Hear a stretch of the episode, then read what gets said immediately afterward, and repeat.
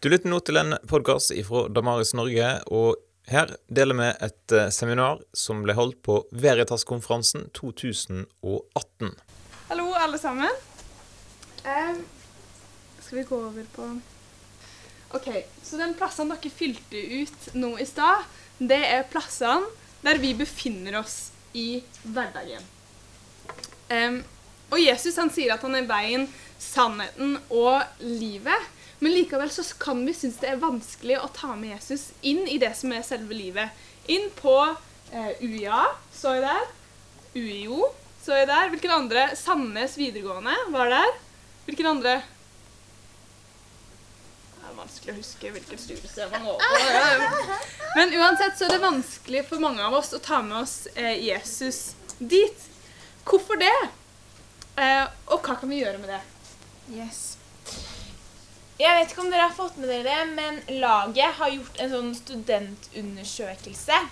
Eh, og den viser det at 90% mener kristne studenter lever med troen sin inni skapet. Og så sier den at det er kun 6% som mener at tro bør være en privatsak. Og det får oss til å stille spørsmålet hvordan kan vi mene at troen ikke bør være en privatsak, men samtidig ikke ta med inn i hverdagen vår. Vi har lyst til å eh, snakke litt om det her sammen med dere. Eh, jeg heter Maren, eh, og det her er Andrea. Og vi er selv en del av den statistikken her. Vi er selv studenter. Jeg studerer psykologi på Universitetet i Oslo, og du? Jeg studerer kreativitet, innovasjon og forretningsutvikling på Høgskolen Kristiania. Yes. Så det vi har lyst til å gjøre, er å først snakke litt om hvorfor vi tror at det er sånn som det her. Og så har vi lyst til å snakke litt om eh, hvorfor vi må komme oss ut av det. Hvorfor skal vi gjøre noe med det? Før vi gir noen sånn tips og triks til hvordan ta med seg skolehverdagen. Så bra. Jeg tror at en av grunnene til at eh, vi lever som skapkristne, er at vi ikke, vi er ikke vant til å snakke om troa. Vi er ikke vant til å høre oss sjøl prate om Jesus, eller vi har ikke øvd på det. Skal vi invitere på gudstjeneste? Skal vi synge for maten i lunsjen? Skal vi ha på oss kors? Eh, og jeg kjente på det når jeg starta på eh, videregående og ble aktiv i laget, og det var liksom mer naturlig at man skulle prate om tro. Første gangen jeg da hørte meg sjøl eh, prate om Jesus, det var, det var, helt fremmed å høre meg sjøl prate om det. Jeg klarte ikke å kjenne meg sjøl eh, igjen. Mm. og jeg husker at jeg satt eh, på rommet til ei venninne og skulle fortelle om hvorfor det var naturlig å ta med Jesus, eller hvorfor Jesus var en relevant del av livet nå eh, når vi lever. Og jeg syns sjøl, når jeg hørte på meg, at jeg hørtes helt hjernevaska ut. Eller var sånn der, hva er, hva er greia? Så vi er ikke vant til det. Det er mm. kanskje en av grunnene. Mm. Yes, Og den andre tingen er kanskje at vi syns at det er skummelt. Det er vanskelig å gå mot strømmen. Og Jeg starta akkurat på nytt studie. Det starta for to måneder siden. Og da var jeg en del av en fadderuke. Det er mange som har vært med i fadderuka. Er noen? Ja. Eh, og jeg husker når jeg satt der og tviholdt på min Fuse iste midt under drikkeleiken og fikk eh, kommentarer som Yo! Du som tror på jomfru Maria! Eh, så blir man litt sånn Shit! Eh, hva tror de om meg? Kommer de til å være jomfru Maria resten av studietida nå? liksom? Altså, kommer de til å fryse meg ut? Tror de er en del av en sekt? At de må be fem ganger om dagen, og at de, at de er hjernevaska? Um, det er skummelt. Mm. Um, Stefan Gustavsson, han Acrobatics, my mom. Han har skrevet en bok som heter 'Bør troen forsvares'. Og For å beskrive på en måte situasjonen til vår generasjon, så bruker han eh, uttrykket 'kognitiv eh, dissonans'. Og det er et uttrykk som er hentet fra psykologien. Um, og det er en spenningstilstand som man opplever når man har to meninger som er i konflikt med hverandre. Og for å på en måte redusere denne spenningen eller dissonansen, så endrer vi enten holdning, mening eller atferd. Så det er liksom om vi har én eh, fot i én båt og en annen fot i en annen båt, og så bare siger de båtene fra hverandre. Og så bare Shit, jeg klarer ikke å stå i spagat. Jeg må hoppe over i én båt. Sånn føler vi det fort. Fordi at eh, i vår kultur og i vårt samfunn, og kanskje spesielt i utdanningssystemet, så er Gud fraværende. Bibelen det er en eh, gammel bok fra antikken. Eh, gudstro det er gammeldags. Eh, vitenskapen, Vi lever i vitenskapens tidsalder. Og det er ikke rasjonelt å tro på Gud i 2018, påstår folk. Det er, kristentro det er bare et alternativ blant veldig veldig mange livssyn. Um, og så går vi i kirka, og der er Gud liksom kjemperelevant og allestedsnærværende. Og liksom, eh, ja, vi kan snakke med han hele veien. Og vi kjenner på at vi lever kanskje i litt to forskjellige verdener. Um, og vi tror at det er en av grunnene til at vi skjuler troa vår. At vi kjenner på denne dissonansen. Og om vi ikke gjør det selv, så tenker vi kanskje at andre tenker det om oss. At ikke det er rasjonelt. At vi burde kjenne på en sånn dissonans. Mm. Vi tror en ting til er eh, spørsmål. For det første så Jeg vet ikke om dere er enig, men redselen for å bli stilt et spørsmål du ikke kan svare på, og bli sett seende på som eh, dum liksom, Kan du virkelig tro på det her? Men også at vi tenker Shit, hvordan kan jeg forsvare det her eh, hvis ikke jeg har svara på mine egne spørsmål? Mm. Jeg kjenner jo på spørsmål sjæl, og så skal jeg stå der ute og forsvare det blant folk som er kritiske. Mm. Så vi kjenner også på liksom vanskeligheten eh, med de spørsmålene. Mm. Mm. Så nå har vi snakka litt om noen ting som vi tenker er grunnen til at vi kjenner på at det er vanskelig, og at vi trekker oss tilbake. Eh, og så har vi lyst til å se litt på hvorfor skal vi gjøre noe med det. Hvorfor kan vi ikke bare trekke oss tilbake og gå, til, gå på kirka eh, noen ganger i uka? Eh, hvorfor skal vi gjøre noe med det? Yes. Gud han har skapt oss til å leve i fellesskap med han, og det innebærer at han ønsker å være en del av alle områder av livet vårt. Eh, og ofte når vi tenker på åndelighet og det at vi er åndelige vesener, så forbinder vi det med kirke, med lovsang og bibellesing, med prester, med nattverd og alle de her typiske sånn kirketingene. Um, og disse tingene det er en viktig del av det at vi er åndelige, og at vi skal leve med fellesskap med Gud. Men jeg tror at det er flere ting. Og jeg kan kjenne på denne dissonansen når jeg går inn på instituttet, når jeg går inn på Blindern, så er det på en måte litt andre spilleregler enn når jeg er i kirka. Det er ikke sånn at vi synger så mye lovsang, det er ikke sånn at vi ber så veldig mye, og det er ikke sånn at jeg får så veldig mange sånn dype samtaler om hvem Gud er. Og man forklarer på en måte mennesket helt på helt andre måter da, enn hva man gjør eh, i kristne settinger. Um, og det jeg har lyst til, er at vi kan se på en film som kanskje kan forklare litt mer. Sånn at vi kanskje kan forstå. Skal vi se Å, oh, jeg håper det. Yes. So if you lived in ancient Bible times, odds are you lived under the authority of a king. And many of these kings claimed that they were gods, and they would even call themselves the image of God meaning they had authority to tell people what to do, order things to be made. Yeah, they got to define good and evil. And these kings would often make statues of themselves, which in Hebrew were called tselem, often translated as idol or image. But for Israel, they didn't view their kings as the god. In fact, they were never supposed to even make images of God. It's exactly right, and that was really unique for that time and culture. This is rooted, first of all, in Israel's belief that you can't reduce the Creator God down to any one thing in creation. But there's another reason.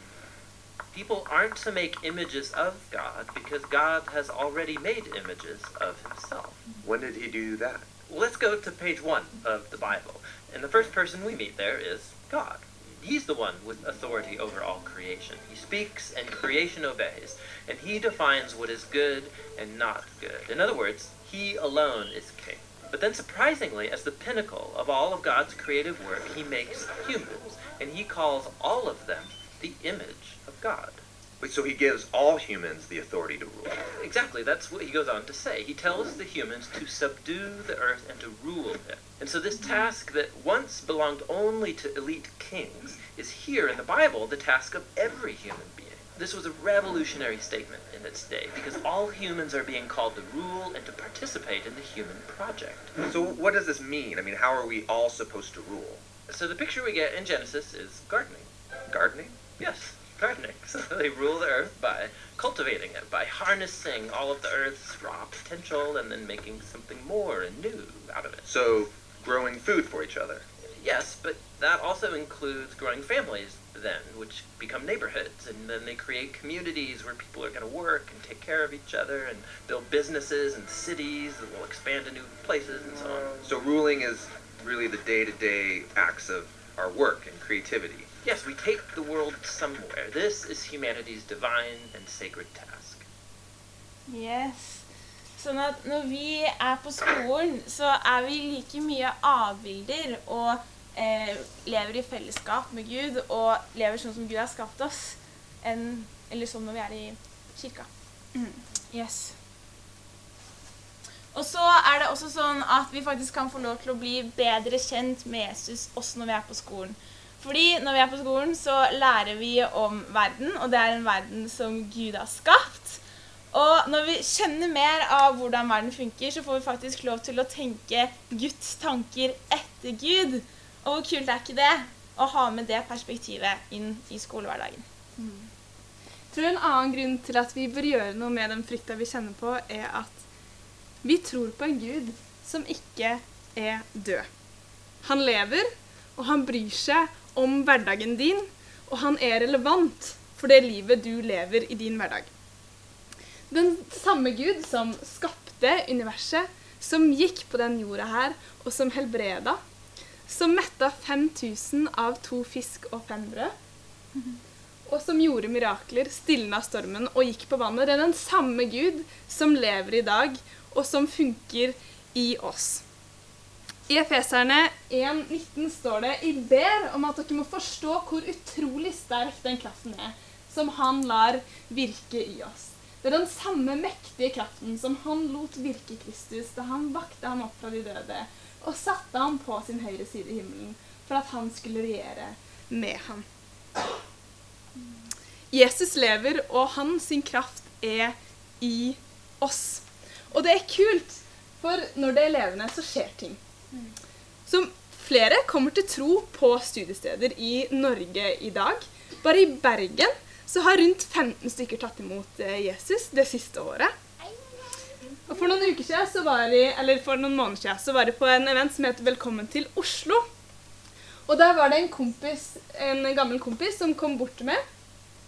Og han hadde noen venner av meg som venner når han gikk på studiet. Og han var ikke kristen eh, da, men de med kompisene eh, hans prata om eh, tro med han på studiestedet, tok han med i kirka. Og jeg var med og be for han da.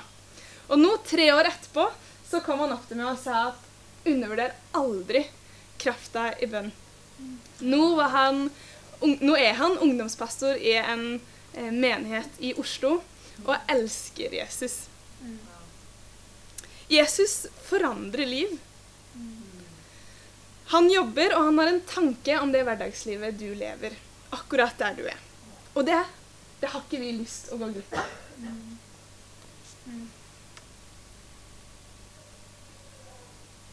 Yes. Og eh, som sagt, vi jobber i laget, og i laget så sier vi det at ikke alle går i kirka, men alle går på skolen. Så det er faktisk en unik mulighet til å nå ut med evangeliet. Eh, til mennesker som er så vanvittig høyt elska av Gud, men som er fortapt uten Kristus. Det er faktisk en realitet. Um, og jeg husker godt at jeg fikk lov til å være med på et eh, lagsmøte på en ganske stor videregående skole. Um, og vi var en liten gjeng som eh, samlas Samles, ble samla. um, eh, og vi eh, Ja, det var sånn typisk at eh, vi satt i et klasserom, så kom det en lærer og bare Hei, dere kan ikke være her, vi skal være her. Og så ble vi satt på et annet sted, og så kasta dette her igjen. Så vi endte opp med å sitte i gangen. Og der satt vi og prata om Gud og eh, ba for hverandre og hadde liksom fellesskap, da. Og eh, der var det en fyr som var ganske ny i laget, hadde ikke vært med på det før. Eh, og han hadde vært mye på leir og sånne ting, men skjønte liksom ikke at det gikk an å ha med seg Jesus også der. Han ble skikkelig berørt av det, han begynte å gråte. Eh, så det sier veldig mye om at vet du hva, vi kan få lov til å ta med oss kirka også på skolen. Så hva? Når vi er på skolen, så er kirka på skolen. Når vi er, har pause, så er kirka på skolen. Og når vi er i gym, så er kirka på skolen. Og når Ja, det er pause igjen, da. Så er kirka på skolen. Yes. Der vi er, der er Jesus også. Det er ganske kult. Yes. På Veritas denne uka så snakker vi om forvandling. Og forvandling er en grunn til å ta med seg Jesus der du er. For miljø og studiesteder blir forvandla av at vi er forvandla. Lar vi Jesus forvandle oss, så forvandler han eh, folk gjennom oss. Jeg har vært med og sett flere godhetsuker på ulike skoler. Og det er basically at eh, studenter velger å elske skolen sin med ubetinga godhet uten å fortjene Eller fortjene Uten å be om noe tilbake. Og jeg har sett at oppmuntrende lapper blir hengt opp på skolen. Eh, vafler blir delt ut gratis. Vaskedama får gavekort på spa. Læreren får blomster. Og ting og skoler og studiesteder forvandles av sånn. Du ser hele liksom, mentaliteten på skolen. Det skjer noe. Folk smiler til hverandre. Folk blir mer motiverte, gira på å gi kjærlighet. Og i Romerne 2,4 så står det Skjønner dere ikke at Guds godhet driver dere til omvendelse? Og jeg tror vi undervurderer hvor utrolig mye godhet, ubetinga godhet, eh, kan gjøre med folk eh, rundt oss. Og at det kan Vi kan forvandle. Skolen vi går på, den klassen du er i, seminargruppa du er i. Yep. Yes, Nå kan dere få lov til å bytte plass, men dere sitter ved siden av, så vi bare får beveget oss litt, og så si litt om hva dere tenker om det vi har snakka om til nå. Nice! Jeg håper dere har fått litt eh, fra hverandre. Det er alltid spennende. Ok, Så nå har vi snakka litt om hva vi tenker er noe av problemet. Hvorfor vi skal gjøre noe med det. Og nå er det rett og slett tid for Tips og triks av Maren og Andrea. Ha tips. Ja. Vi har lyst til å dele noen eh, ting som vi har kjent på, og som vi tenker eh, har hjulpet oss i hverdagen som kristne som studenter. Um, så her kommer det. OK. Vårt number one eh, er finn noen å gå sammen med. Det kan være noen som går i klassen din. Det kan være noen som går tredjeåret og på en annen linje. Eller det kan være noen utafor skolen i det hele tatt. Poenget er ha noen som spør deg om hvordan det er å være kristen der du er. Som ber for det i din skolesammenheng. For dine, sammen med det for dem du går i klasse med. Og som pusher deg til å tørre å ta steg på skolen. Eh, jeg starta akkurat på skolen, eller på eh, studiet mitt, og hadde en drøm om å liksom, jeg skal ha et lag med 20 stykk. Fortsatt drømmen min, men akkurat nå er vi to stykker. Det er meg og Rasmus. Han går i klassen min. Og vi møtes jevnlig for å be for folk i klassen vår, eh, for lærerne våre, for studiestedet vårt. Eh, vi har dager der vi er dritstressa for eksamen og for eh, altså bare overload av ting. Så setter vi oss ned og ber sammen. Ingen biggie, ingen closed eyes og store greier. Vi bare sitter ved siden av hverandre og ber for hverandre og hjelper hverandre å løfte eh, blikket.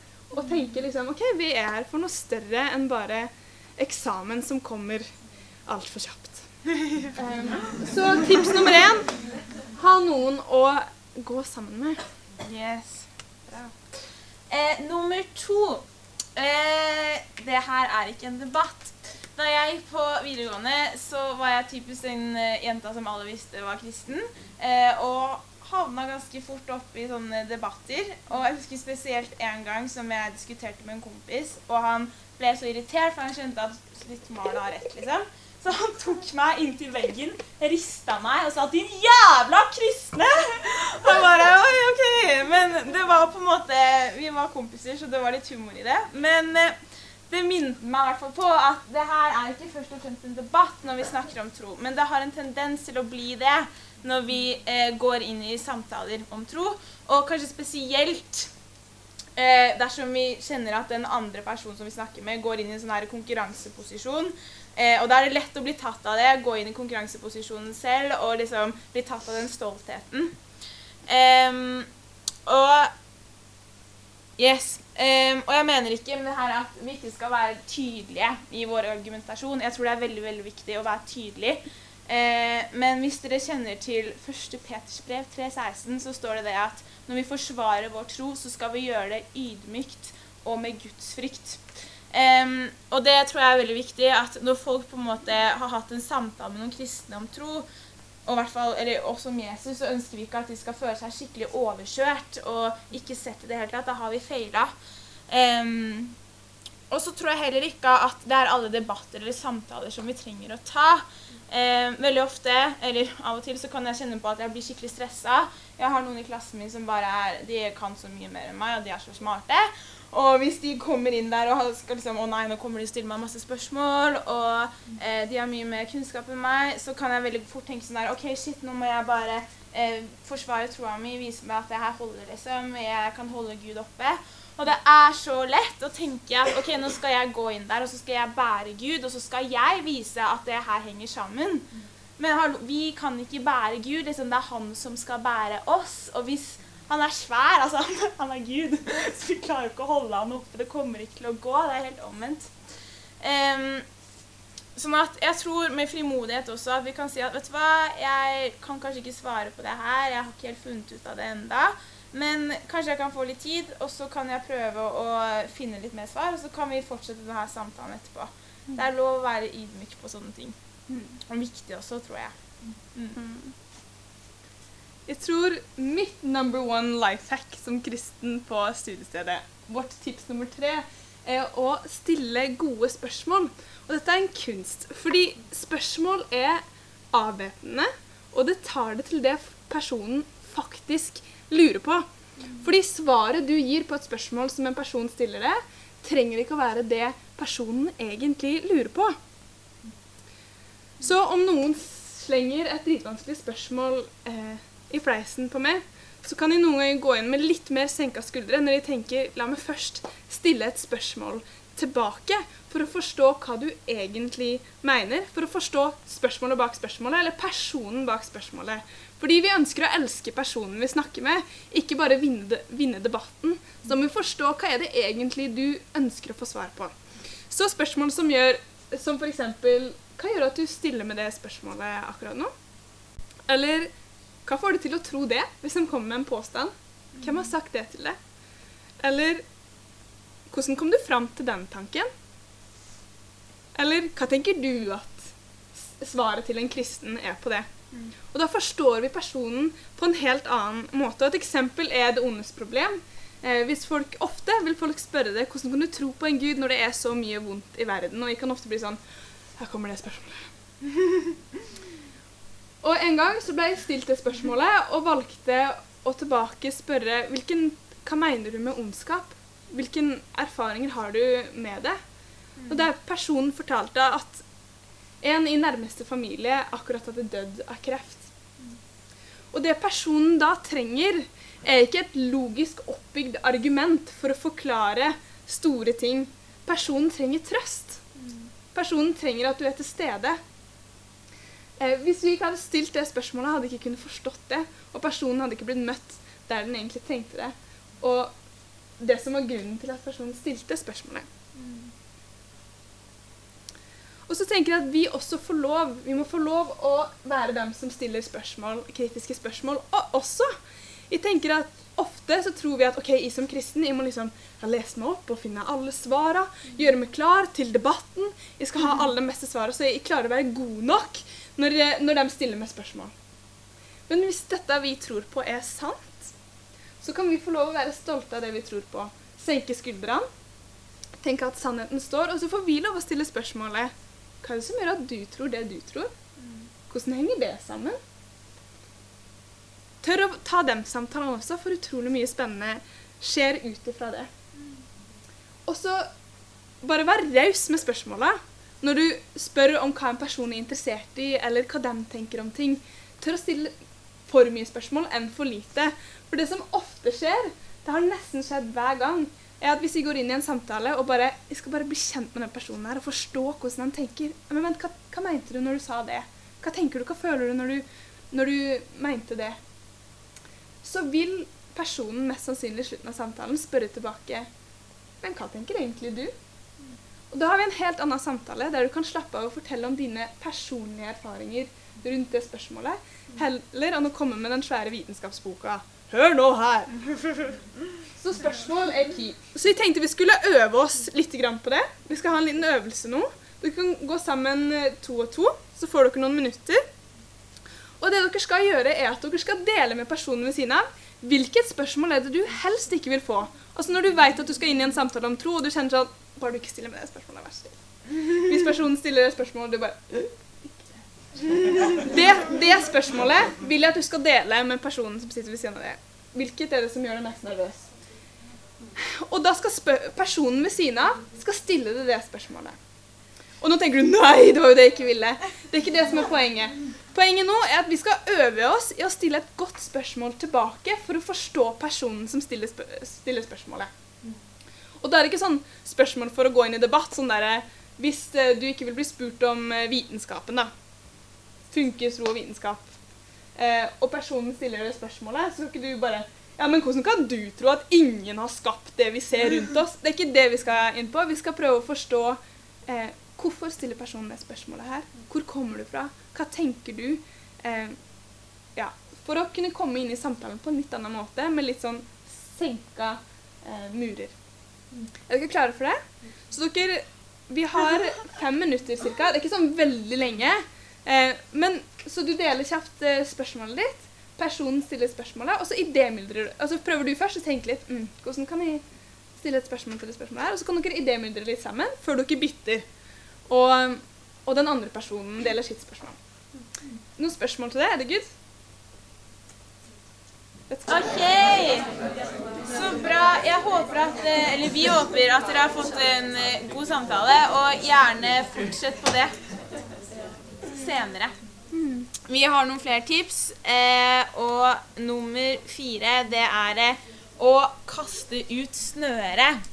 Eh, og det er ikke alltid sånn at det føles så veldig naturlig å bryte isen og begynne å snakke om tro når man er på skolen. Eh, og jeg tenker at det er ganske viktig også at folk ikke opplever også sånn derre der slitne folk som ikke bryr oss noe om noe annet enn hva vi selv er opptatt av, og det er selvfølgelig Jesus, og folk blir liksom dødsslitne når vi snakker om det hele veien. Eh, men det er lov til å flagge eller liksom kaste ut snøre eller hinte eller lage en åpning for å snakke om tro. Og det kan f.eks. være bare sånn på mandag når dere skal spise lunsj. Eh, si sånn Vet du hva, i helga så var jeg på en trosforsvarskonferanse, og det var faktisk skikkelig spennende. Jeg lærte så mye nytt. Og så Da har du på en måte kasta ut en ball, og så kan de få lov til å ta den ballen og stille spørsmål videre hvis de har lyst. Eh, men de trenger ikke. Eh, og hos meg og på mitt studie så får jeg ofte samtaler om tro når jeg forteller at jeg har vært på jobb, fordi jeg jobber i laget, eller forteller hva jeg har gjort på jobb. Eh, eller når jeg sier at jeg har vært i kirka, eller em, Ja, jeg fikk en del gode samtaler om tro da jeg fortalte at jeg skulle være forlover eh, i bryllup i sommer, fordi folk bare Hæ, hvorfor gifter de seg så tidlig? Um, men også ofte sånn fagrelatert så får vi eh, samtaler om tro. Eh, og nå så, i psykologien så har vi om selve, så vi hadde en eh, kollokvie på det. Eh, og da snakka vi liksom mye om det som Lennox snakka om i dag, det her med selvfølelse og hvordan vet vi at vi er verdifulle. Eh, og det er sånne ting, sånne spørsmål da, som åpner veldig for at vi kan få lov til å bidra med vårt livssyn eh, og hva vi tenker om ting. Så eh, mitt tips det er bare liksom, vær ærlig om livet ditt. Fortell hva du driver med, fortell hva du opplever. At du går i kirka, at du ber til Gud, og at det er relevant for livet ditt. Og så kanskje ikke du får på en måte masse sånn, samtaler om det med en gang, men da vet i hvert fall folk at OK, eh, Maren eller Rebekka eller ja, er i hvert fall åpen om troa si, og det er mulighet for å snakke om det. Eh, sånn at folk vet om det. Det er ja, et tips fra meg. Mm. Nummer fem. Vær gode. eh, den her eh, velkjente fadderuka så var det på en, eh, et vors med alle som gikk på trinnet mitt, som varte litt utover natta, og mye gikk ned hos mange. Og det var mye ølbokser og vinflasker all over the place. Så rett før vi skulle dra, så tok jeg sju min til å bare begynne å rydde for, eh, for han som var host der. Og fikk med meg noen andre i klassen min til å være med å rydde, og folk sto der bare wow. Syns det var helt fantastisk at du kan gjøre noe sånt. Eh, så vi rydda. Eh, og så nå, for eh, det var kanskje en og en halv uke siden, eh, altså nesten to måneder seinere, så kom han som hadde hosta festen bort og sa jeg har prøvd å leite etter det. Helt siden vi starta på studiet. For de må bare takke deg for det du gjorde den kvelden. Når alle var stupfulle og eh, stakk videre, og leiligheten var full av, av, greier, og politiet kom og hele pakka. At du hjalp med å rydde. Um, det betydde sykt mye for meg. Vil du ikke komme på bursdagen min? Sikkert for å rydde litt. Men, men det, satte, det satte et spor i han, og det satte et spor i andre. Noe som er så enkelt. Noe som ikke er vanskelig å gjøre i det hele tatt. En ting er å møte noen på gata og være hyggelig med dem, men en annen ting er å leve livet i hverdagen, i klassen din, for medstudentene dine hver dag, og vise med handling hva du tror på. For livet våre snakker, eh, og folk kommer til å merke det. Nummer seks, det er bønn. Og jeg tror selv at jeg har en tendens til å undervurdere den kraften i bønn. Men dere, det funker å be, liksom. Og be for skolen deres, be for medstudentene deres, be for eh, lærerne deres, og be for muligheter til å vise dem hvem Jesus er. Og også en ting som jeg har bedt mye om, det er å bare få omsorg og kjærlighet for de som man er sammen med hver eneste dag. Mm. Um, og så trenger vi ikke heller ikke gjøre det sånn superkomplisert. Det går an liksom bare gi et hjertesukk til Gud. Vi trenger liksom å folde hendene og lukke øynene. Men når man er på forelesninger, når man har kollokvie, eller når man Ja, Gud er tilgjengelig, liksom. Um, og så tror jeg også at uh, bønn er med på å gjøre oss mer bevisste på hva Gud driver med. Uh, en periode nå så har jeg bedt litt om at jeg skal få lov til å få samtaler om, med, om tro eh, med de jeg studerer med. Og det var en morgen som jeg ba om det. Og så eh, samme dag så stilte venninna mi meg spørsmålet Maren, hva tenker du om det her? Du er jo kristen. Og da bare sånn Å, Gud, takk, du hørte. Så da blir man også litt mer bevisst. Bare sånn Gud svarer på bønnene også. Eh, så det Ja. Tips nummer seks B. Mm. Nummer sju podkast. Lær dere nye ting, og hør hva andre tenker om ting. Og jeg vet, Dere har helt sikkert tenkt, når dere har sett alle talerne og folk som har hatt eh, seminarer, hvilken podkast er de hører på. Så vi har gått rundt og vi har spurt det. Talerne eh, on this conference. Dette er deres svar. Så Peter Williams han er her på konferansen. Han har en egen eh, podkast. Apologetikk filosofi, retninga. Unbelievable er en sånn debatt podkast. Det er en ikke-kristen og en kristen. Nye folk hver gang som prater sammen om spennende tema. Tim Keller, masse spennende rundt det å, være, å leve som kristen i uh, hverdagen. Sennep, også en podkast om å bli inspirert som hverdagskristne. Damaris, det er dem, dem er liksom her på konferansen også. Og alle talene fra den konferansen her, alle seminarer, kommer på Damaris. Så hvis du tenkte at jeg fikk ikke med meg det jeg ville. Skulle ikke vært på det seminaret, skulle ikke vært på det andre. Du får det med deg på eh, Damaris. Og de har spesielt en podkast som heter 'Trone i trøbbel'. Eh, der de tar opp spørsmål som blir, og innvendinger mot eh, kristentro på en eh, ganske basic eh, måte. Itropodden den er ganske fersk, har akkurat kommet ut. Reasonable Faith, også sånn apologetikk, eh, veldig sånn mulig å forstå. Så det er noen hot tips fra folk på Veritas-konferansen. Hvis dere som skriver, bare ta en tommel opp når dere føler at dere har fått skrevet. Det er ikke vits å hoppe videre. Nice. Yes, bra. OK, nummer åtte, det er bøker. Det, jeg vet at vi ofte har nok bøker å lese når vi er studenter når vi går på skole, men kanskje dere får tid til å lese litt til. Eh, og da er det en bok som heter eh, 'Snakk om tro', som tar veldig utgangspunkt i det her livssynsperspektivet eh, som eh, Lennox snakker om.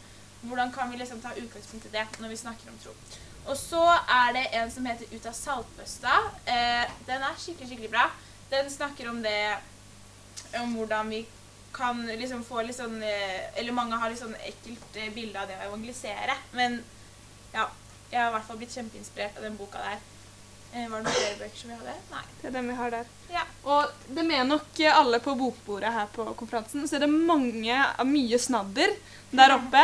Så det er bare å spørre Bjørn Hinderaker, han som var oppe på scenen i dag. Han har alltid sånn tips til bøker enhver kristen må ha i sin bokhylle.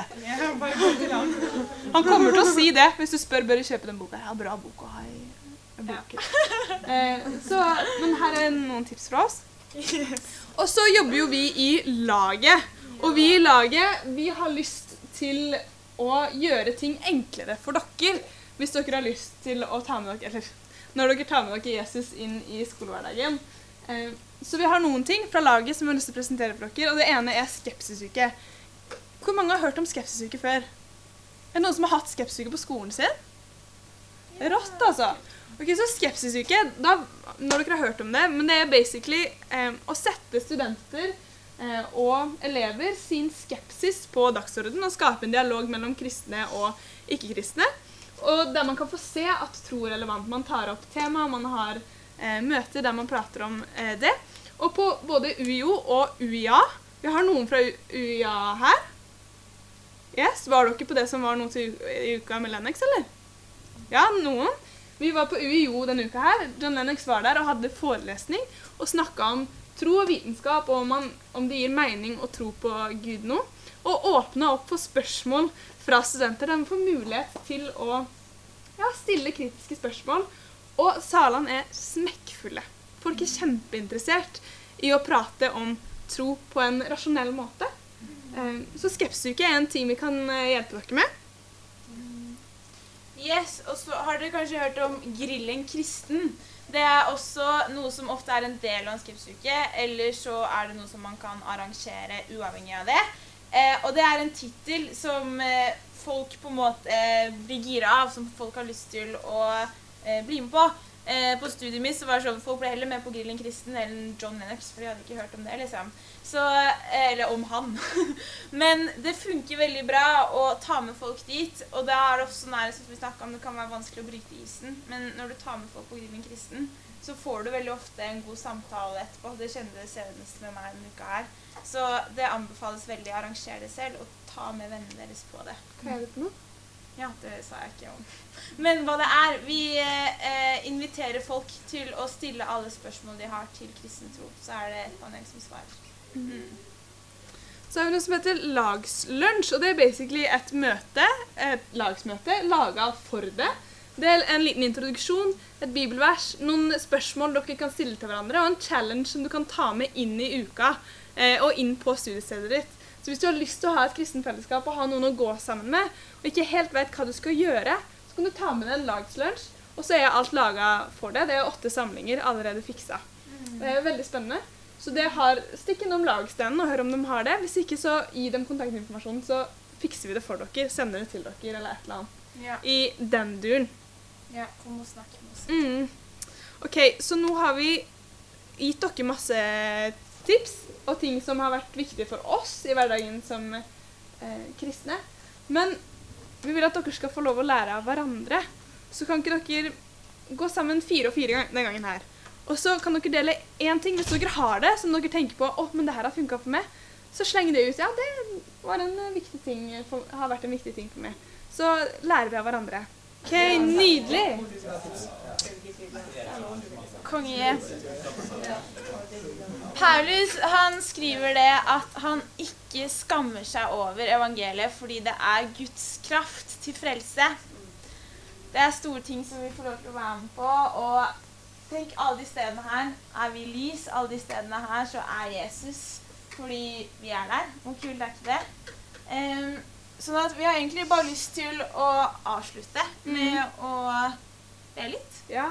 For nå har vi snakka litt om hva vi kjenner på er utfordrende, hvorfor vi må gjøre noe med det. Gitt dere noen tips og triks på hvordan dere kan gjøre noe med det i hverdagen deres, så dere har delt med hverandre. Uh, men så kommer dere tilbake, og det er hit dere skal. Så vi har lyst til at dere skal bruke noen minutter til å be sammen. Og utfordringa er at dere skal få be for én studievenn, en som går i klassen din, eller som eh, er på jobb, eller altså noen i din nærhet. Eh, også en lærer, eller sjefen din. Eh, og bare litt rundt det dere har eh, hørt nå. Eh, ganske kort. Og hvis det er unaturlig for deg å be høyt, så be stille eller ikke be. Det er helt opp til det. Men det er the last challenge. Og så avrunder Maren med å be helt til slutt. Ok, Jesus, tusen takk for Oslo Met, Universitetet i Oslo, og for VID, og for Eilertsunds videregående, Jesus, og for Sandnes og alle de stedene. Takk for at vi får lov til å være der i hverdagen vår og lære om verden, pappa. Og takk for at du er på de stedene fordi vi er der. Takk for at du lever gjennom oss, Jesus, og bare bruk oss der. La oss få lov til å ta med deg som en naturlig del av skolehverdagen. La oss ikke kjenne på at det er for skummelt eller ja, bare la oss finne oss selv, snakke om deg, prate med deg der i hverdagen, Jesus. Takk for det her kristne fellesskapet. Takk for Beritas-konferansen. Om vi kan få lov til å få påfyll og bli utrusta her, Jesus. Og så må du bare være med hver enkelt i dette rommet og på hele konferansen ute i hverdagen. I Jesu navn. Amen. Amen.